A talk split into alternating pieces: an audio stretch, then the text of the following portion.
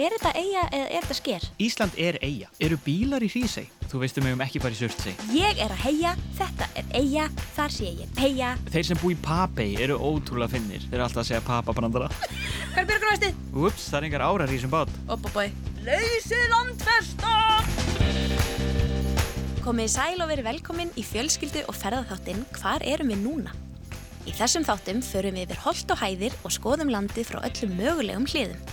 Við fræðumst um hvert landsluta með aðstóð ungra ferðarsérfræðinga og heimamanna, förum í skemmtilega bílaleiki, hlustum á þjóðsögur sem gerast í hverjum landsluta fyrir sig og endum á æsispennandi spurningakeppni fyrir alla fjölskylduna. Ég heiti Jóhannes. Og ég heiti Ingi Björg. Ingi Björg, Mm. hvar eru við eiginlega núna? Ég veit ekki, ég sé bara sjó. En ég veit við erum á bát og ég veit við ætlum að sigla allan hringin í kringum Ísland og við ætlum að fara út í allar eigarnar. Þær eru svolítið margar. Ok, við skulum kannski byrja bara á eigunum þar sem einhverju krakkar búi. Já, Til dæmis Vestmanæjar, Hrísey og Grímsey. mm svo eru líka margar eigar sem fólk býr ekki yfir veturinn en heimsækir svolítið yfir sumarið. Einmitt, eins og flati. En hvað gerir eigu að eigu? Er það ekki bara þessi sjór í allan hringin? Jú, eða vatn. Einmitt. Það er hægt að vera eiga út af vatni. En þá er Ísland eiga. Já, Ísland er eiga. Já, við vissum það. Já. Já. En við erum þá eiga skeggjar. Já, Þú ert með skegg, ég hef með skegg. ekki ég. En þú ert samt eigaskeggi. Get ekki verið eitthvað annað bara. Eiga, Ei... Eibúi. eibúi. Ingi Björg, það er land fyrir stafni. Herðu, þetta lítur að vera flatei. Já, og þar búa einmitt fyrstu sérfræðingar þáttarins. Það er Lana Sóley og Anna Eivur og þær vita hvað á að gera á eigunni. Lítt og létt, báran skvett, bátnum gefur, ljúfur, landi fjell. Ef að þið komið hingað með fjölskyldunum ykkar, þá getið þið til dæmis farið hingað í gríluvógin að vaða. Ef að farið í göngutur með fjölskyldunni, kíkja á þau, ef þið sjáu þau, og farið upp á alvarstein. Hér er bókin flótaður okkur. Sumi segja að einhver staðar hér í eigunum er risastór kista af gulli og líka af mannesku.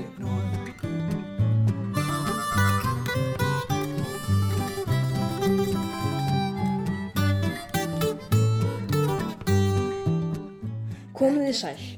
Ég heiti Guðmar Gísli og ég bý í Hrísey sem er í Eyjafyrði sem er önnur stærsta eigin við Ísland sem er í byggð. Þar sem ég finnst best við Hrísey er hvað er rólegt hérna. Það eru stuttar vegalengdir og hægt er að fara allra sinna ferða, lappandi eða á hjóli. Við erum 15 nefendur í skólanum og mér finnst gott að vera í fámennum skóla. Í skólanum eru við að gera marga áhugaverða og frábæra hluti. Tvisvar á hverjum vetri eru svo kallar söttbör í vikur.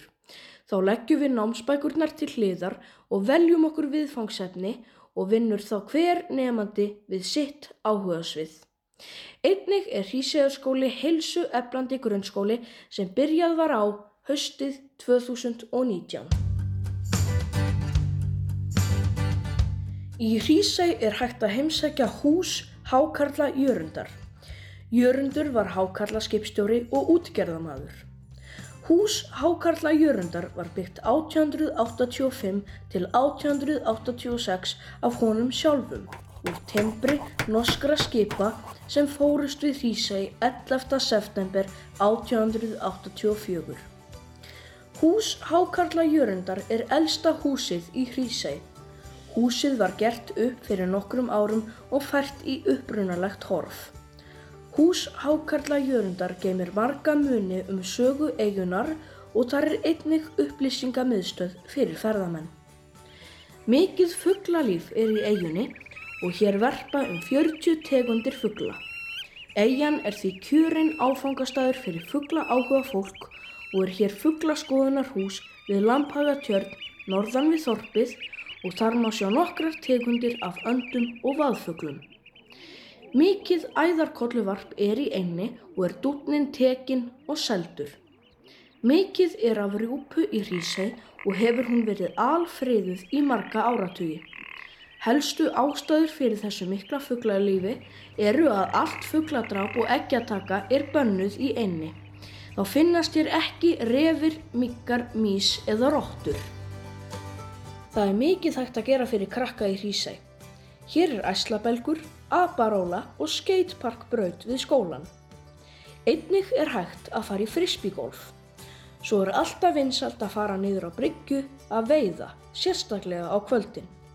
Svo er hægt að róa á kajak.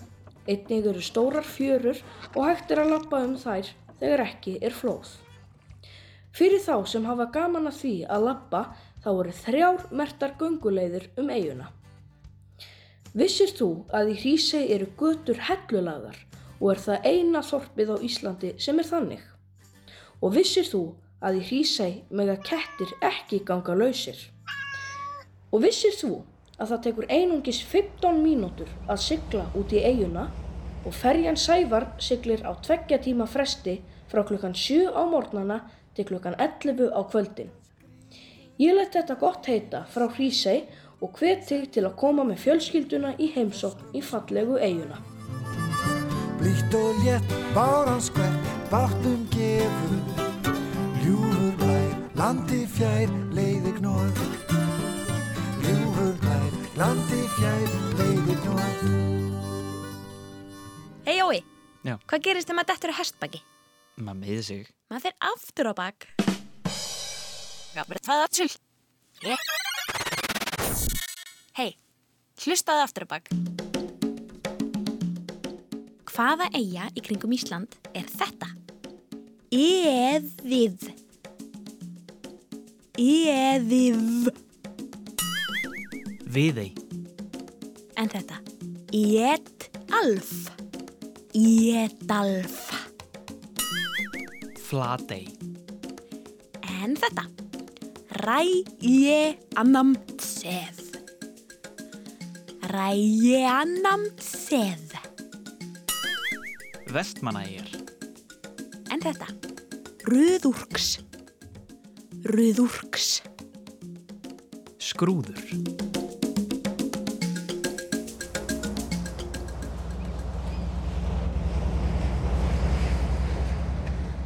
Það er alveg svolítið kallt að vera svona lengi út á sjó. Já. Ég var eiginlega að vona að sjórinn væri bara nógu heitur til að hoppa út í. hoppa úti. Já, aðeins að líða sér. Heldur þessi, að það ekki? Nei, veistu, ég held að við ættum bara að reyna að finna einhverja sundlaug sem er bara á einni af þessum eigum. Það hljóta að vera til sundlaugur á einhverja af þessum eigum sem eru að hinsækja. Það er sundlaug í Vestmannum Já, og í Hrísei. og líka Grímsey. Heyrðu, skellum okkur.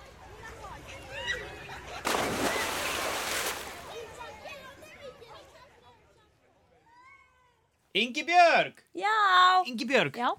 Gætir þú sagt mér sögu? Já. Hvaða sögur gerast á eigum? Ég veit um eina sögu sem gerist svona næstum því á eigi. Hún gerist eiginlega þegar var maður að reyna að komast aftur heim til sín í eiguna. Hann þurfti að yfirgefa hana vegna þess að eldurinn dó út í eigunni og það var engin leið til að fá eld aftur nema að fara í land og sækja. Wow. Og það verður íspjörn í sögunni. Fáum við ís? Björn. Hver Björn? Grímseyjar Byrna Grímsey er nyrsta byggð á Íslandi, næst norðurpólnum af öllum öðrum bæjarstæðum. Grímsey er á Norðurlandi og til þess að komast út í eigina þarf að taka ferju frá Dalvík eða fljúa frá Akureyri.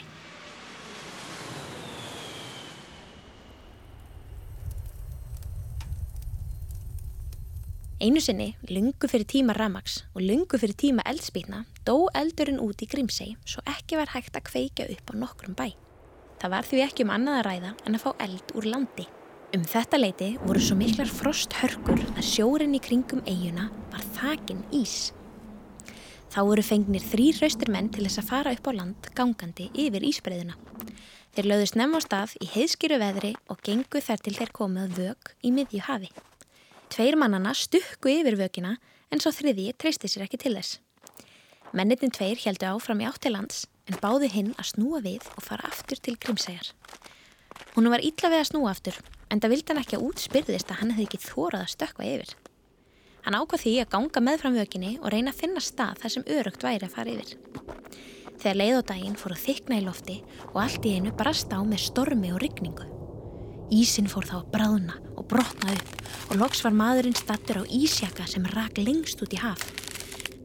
Um kvöldið rak hann að langri ísrönd sem hann stökk yfir á. Þegar hann kom þangað sá hann þrjá ísbyrni, byrnu og húna hennar tvo.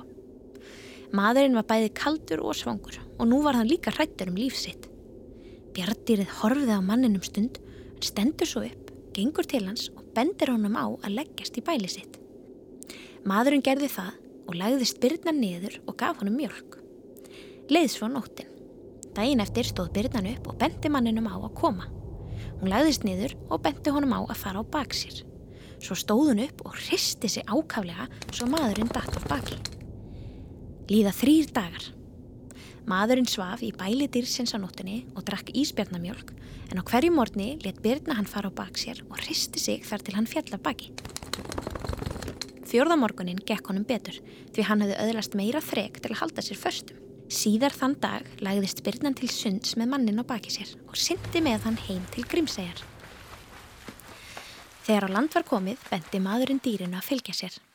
Hann fór með byrnu heim til sín, let mjölka bestu kúna sína og gaf byrnu spen volga mjölkadrekka. Síðan fór hann í fjárhúsið og let slátra tveimur vænstu sögðum sínum, batt á saman á hornunum og lagði um þvert bak á byrninu. Eftir þetta snýri hún til sjávar og syndi til húnana sinna með sögðina. Urðu grímsæingar nú bæði undrandi og gladir í senn, því um leið og byrnan syndi burt sást skip nálgast land. Með því komu sendimenniti tveir og höfðu með sér eldin. Grímsæingar gáttu kveikt aftur upp hjá sér og farið að hita húsin og elda sér mat.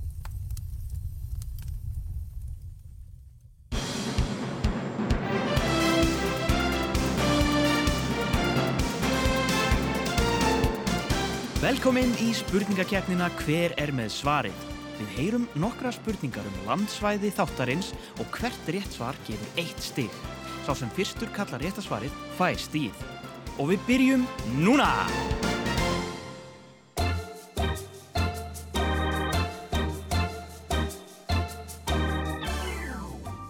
Í þjóðsögunni hér áðan var sagt frá því þegar eldurinn dó út í einni eigu á Norðurlandi. Hvað heitir svo eiga?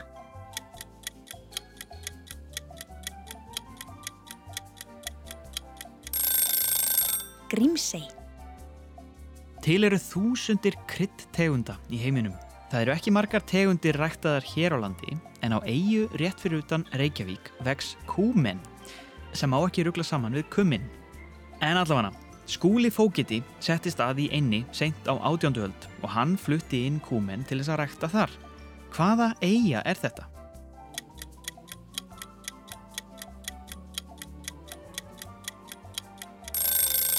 Viðei.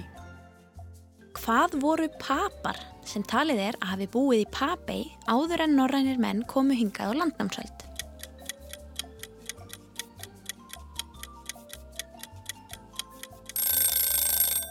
Þeir voru munkar. Hvað heitir farþegarskipið sem siglir frá Landeyjarhöfn til Vestmanneia?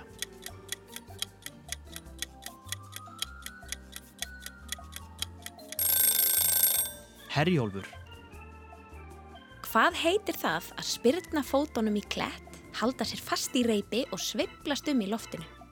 Vísbending, þessi leikur er mjög vinsæl í Vestmannegjum.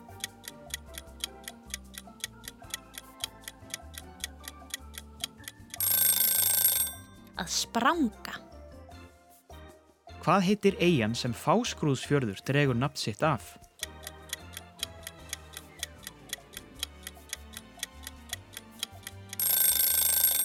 Skrúður. Hvað búa margir í Vestmannegjum? Svona um það byll. Er það A. 12.000 manns, B. 4.000 manns, C. 1.000 manns eða D. 15.000 manns?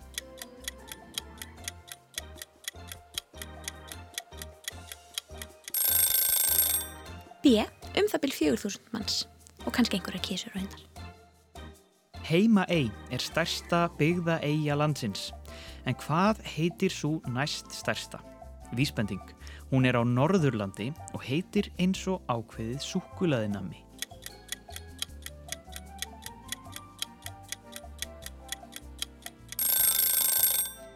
Prísei Í Reykjavík er pítsustadur sem ber þetta nafn en nafnið er líka að finna á allmörgum eigum í kringum Ísland. Til dæmis er eiga með þessu nafni rétt hjá Húsavík, en stærsta og líklega frægasta eigan er á Breiðafirði. Hún er ekki hæðótt, heldur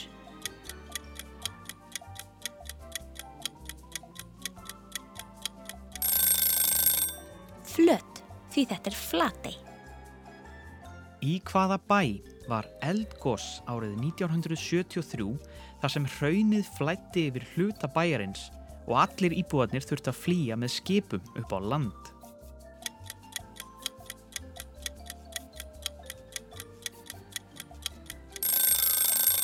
Vestmanna eigabæ á heimaei.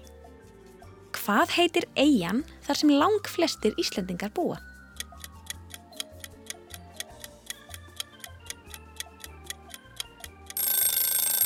Ísland. Eina eigin sem hefur myndast við Ísland á sögulegum tíma er skamt sunnan við Vestmannaeyjar. Þar hófst mikið neðansjávar eldgoss árið 1963 sem myndaði eiguna.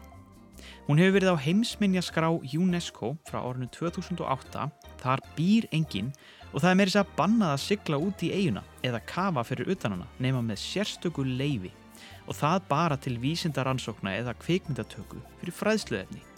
Hvað heitir þessi dularfulla eldgósa eiga?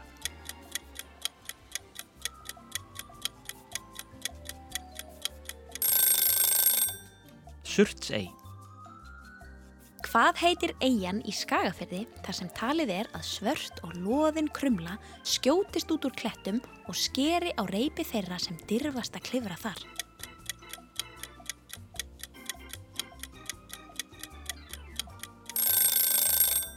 Drángei.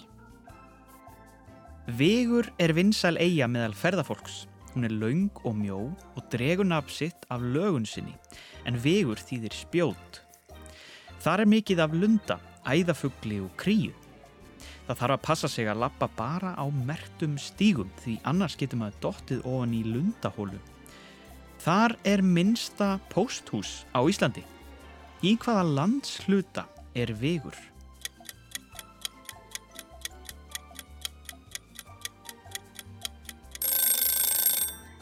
Vestfjörðum eða Vesturlandi.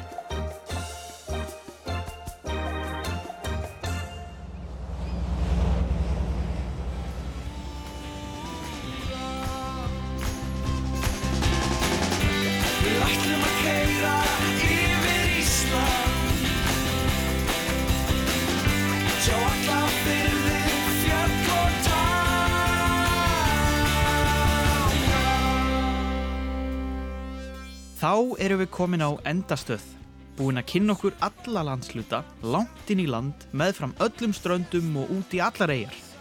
Við höfum hitt sérfræðinga frá öllu Íslandi og fengið frábærar ábendingar um hvað er hægt að gera og sjá á þessu fallega landi. Nú er komið tíminn til að halda heimuleið og hlaða batterín fyrir næsta ferðalag. Þið getur fundið alla þáttaseríuna af hvar erum við núna í RÚF appinu inn á krakkarúf.is. Eða bara hvar sem þið hlustið á hlaðvarp. Takk fyrir að hlusta. Og góða ferð. Við verðum að enda seríuna á bílaleik. Nefna núna er hann eiginlega skipaleikur. Við ætlum að fara í sama leik og við fórum í, í þættinum um Reykjaneskaga. Þessi þar sem við byrjum og endum á sama stað. Hann er samt aðeins verið þessi af því að núna ætlum við að nefna staði á Íslandi. Og þetta mega vera bæir, fjöll, örnefni og fossar, bara hvað sem er. Við skiptumst á, þanga til við annarkvort getum ekki meir eða þanga til einhver segir eitthvað sem er búið að koma. Fáskrúsfjörður, Rauvarhöfn, Njarðvík, Keflavík, Kirkjubæðaklaustur, Reykjavík, Kíðagil, Landmannalaugar, Reykhólar, Reykholt. Við ætlum að keyra